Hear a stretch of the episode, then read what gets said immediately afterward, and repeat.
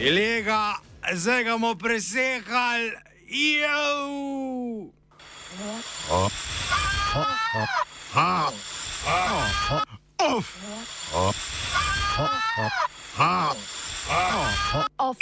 Side. Jekleni Nikšič. Ja sam odlučio da danas govorim iz srca i ono što mi je na srcu. Zato bih želio da poručim nazovi investitoru Fuatu Tosjaliju i izvođačima radova Erku Tolkaj i Jovani Tomić da ono što su naumili to im neće proći. Tako je! Neće im proći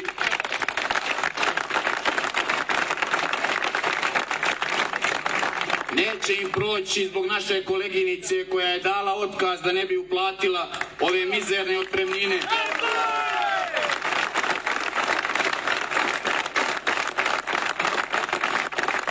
Neće im proći zbog ovih radnika koji su spremni da daju svoje živote da bi se vratili na svoja radna mjesta. I treba da znaju da će se vratiti, ali se neće vratiti to Ščelik Nikšić, već u željezaru Nikšić, što je jedino ispravno.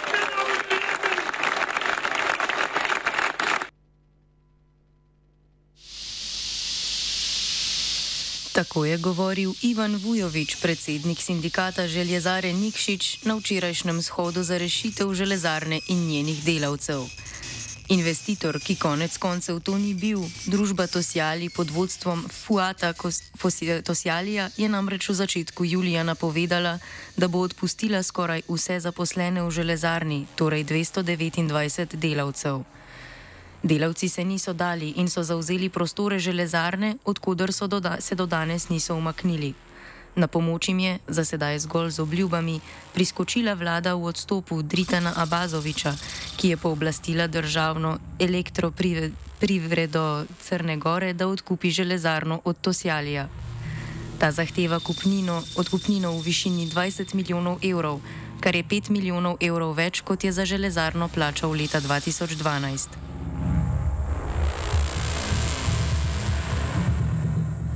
Medtem ko se velike glave pogajajo o milijonih, so delavci železarne odločeni, da se to sjalija dokončno rešijo. Vujovič postavi sindikalne zahteve, ki so jih v ta namen postavili črnogorski vladi. Bih želio se obratiti direktno elektroprivredi Crne Gore i vladi Crne Gore da ove pregovore i razgovore, kako god ih oni nazivali, što prije završe sa Turcima elektroprivredi Crne Gore da do 26. septembra završe svu moguću papirologiju i sve moguće oko kolektivnog ugovora. A vladu Crne Gore pozivamo da uvrste kupovinu akcija u rebalansu budžeta i poziv ovom prilikom želim da pozovem i poslanike u, la, u Skupštini Crne Gore da pokažu odgovornost prema radnicima i prema građanima i da izglasaju taj rebalans budžeta jer do sad nijesu pokazali da su odgovorni.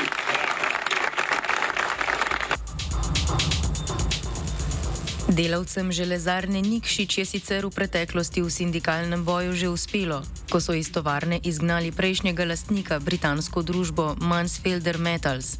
Vujovič pojasni, da delujejo na temeljih sindikalnega boja pred dobrim desetletjem. To je bilo, mislim, 2011. godine. Tada je vlasnik bio Eh, MNSS, englesko-britansko-holandska firma, i tada su, tada su tada je sindikat i radnici kojih je tada bilo hiljada i po radnika i sindikat bio na čelu sa pokojnim Jankom Vučinićem koji je sigurno bio najveći sindikalni vođa mogu slobodno reći u istoriji Crne Gore. Ušli u fabriku i zauzeli su tu fabriku i tada su izbacili napolje te, te vlasnike i tada je željezara otišla u stečaj i poslije tog stečajnog postupka došao je turski investitor. Mi smo sada sigurno na mnogo manje, mnogo manjoj snazi, jer nas ima oko 230 radnika, ali ono što je vrlo bitno jeste da smo mi također sličan način nastupili, mi smo ušli u zgradu 2. juna i sada trenutno se samo nalazimo mi i mi smo poručili turskom vlasniku koji se više ne vraća u ovu fabriku, da ga mi ne smatramo našim, našim vlasnikom i sigurno je da nećemo to dozvoliti. Znači, nas nema mnogo, ali smo sigurno spremni da našim životima branimo ovu fabriku, jer ovu fabriku nije uradio ni turski toš čelik, ni bilo ko drugi, ovu su fabriku uradili, izgradili naši djedovi i naši očevi i sigurno da zbog sjećanja na njih nećemo dozvoliti ne samo to, ova fabrika je sigurno ponos istorija ne samo Nikšića, već i Crne Gore i mi zbog toga nemamo pravo da odustanemo i nemamo pravo da ovo propustimo nekome tamo ko je došao iz bijelog svijeta. Močno čustveno navezanost na železarno, ki se kaže v vsakokratnem delovskem boju za njen obstoj, pojasni Bojan, član FAP mašine, navijan, navijaške skupine nogometnega kluba Čelik. Pa, što se tiče željezara i grada Nikšića, poveznica je velika jer kad god se pominje neko prošlo vrijeme, neka, što kažu, srećnija vremena, prvo se pominje željezara jer je bukvalno sedam, sedam i nešto hiljada radnika tu radilo, pola grada je bukvalno željezare zavisilo i čim je željezara krenula da slabi, počeo i Nikšić da slabi, tako da je baš, baš povezano i tekako. A što se naše kluba tiče, naš klub je osnovan od strane Željezare. To je bio radnički klub za koji su igrali radnici Željezare u slobodno vrijeme. To je uglavnom jedno, bez drugog ne ide baš. V tokratnem boju za svoje pravice in obstoj železarne delavci polagajo upe v sposobnost in iskrenost državnega vrha. Vidite, mi imamo garanciju i od strane elektroprivrede Crne Gore i od strane države. Kad kažem direktno svrha države, tu mislim na premijera koji je rekao da će sve uraditi što u njegovoj moći da riješi ovu situaciju, da radnike vrati na svoje radna mjesta, a ko može to uraditi ako ne može premijer. I iskreno se nadamo, ako, ako uopšte su ozbiljni ljudi, a mislim da jesu, trebali bi da jesu, da će oni ovu situaciju riješiti i da će se napokon dogovoriti. A ni bilo vedno tako. V preteklosti je oblast stala na strani tako imenovanega investitorja, če ne drugače, pa tako, da je zamižala na obe očesi, pojasnjuje Vujovič.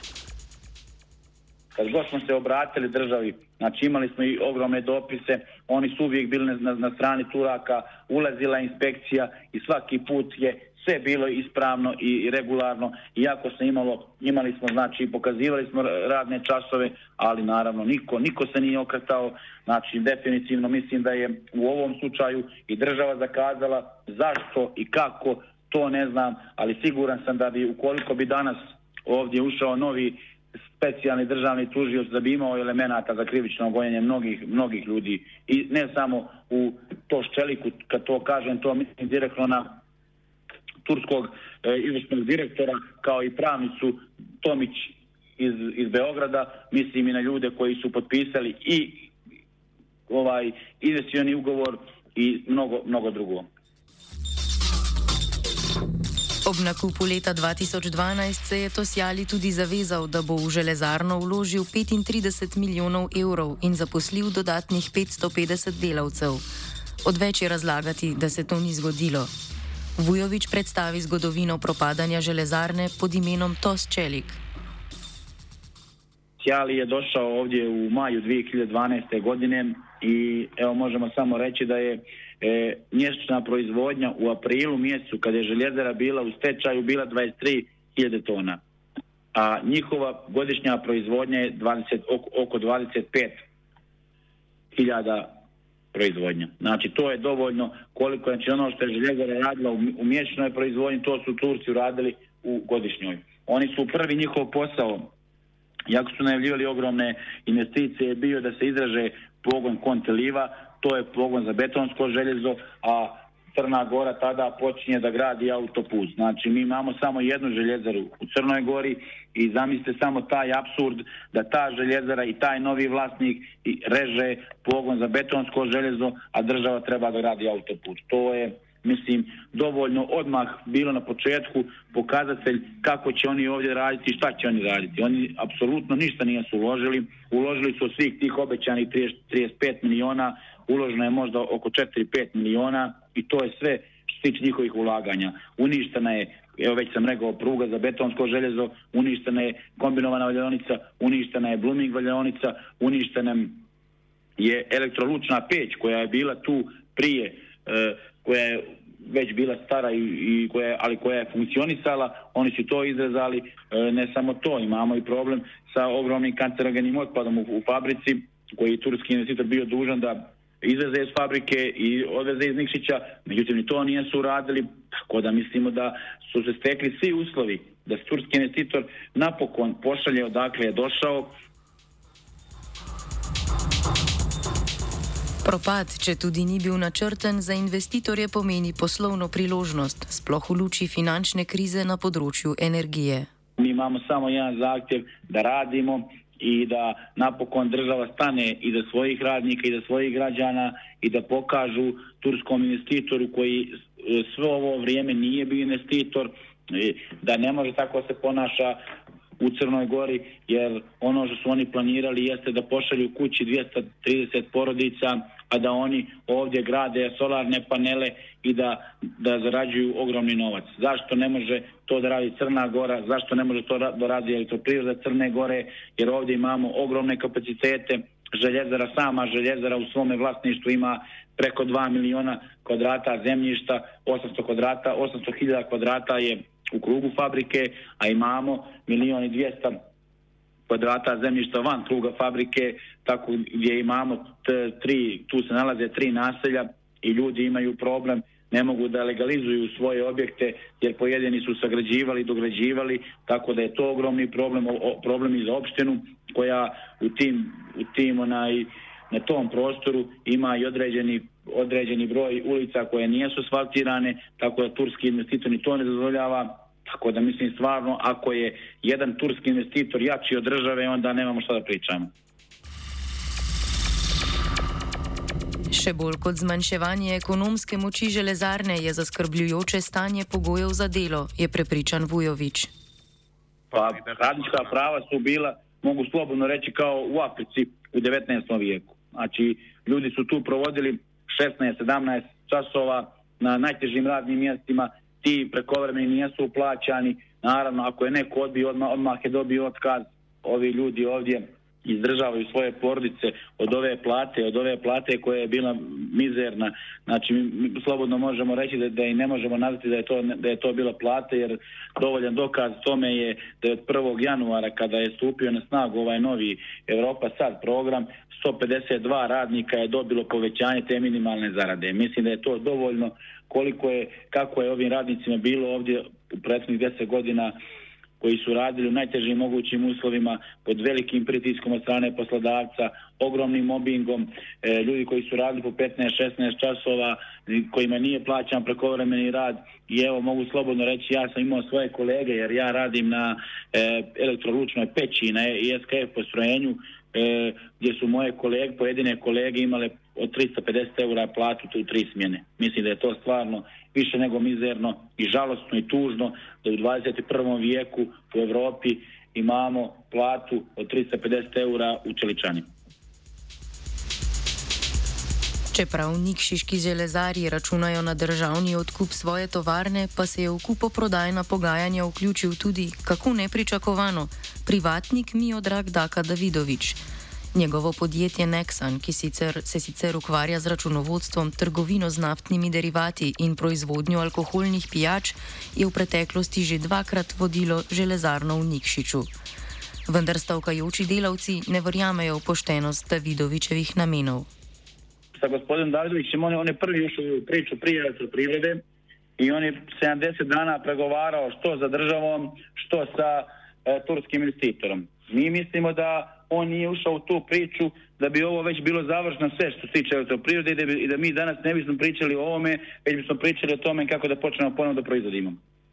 Razlog što radnici nijesu odušeni sa gospodinom Davidovićem jeste što, što nas je sve to 70 dana, mi imamo takav osjećaj, varao i prevario.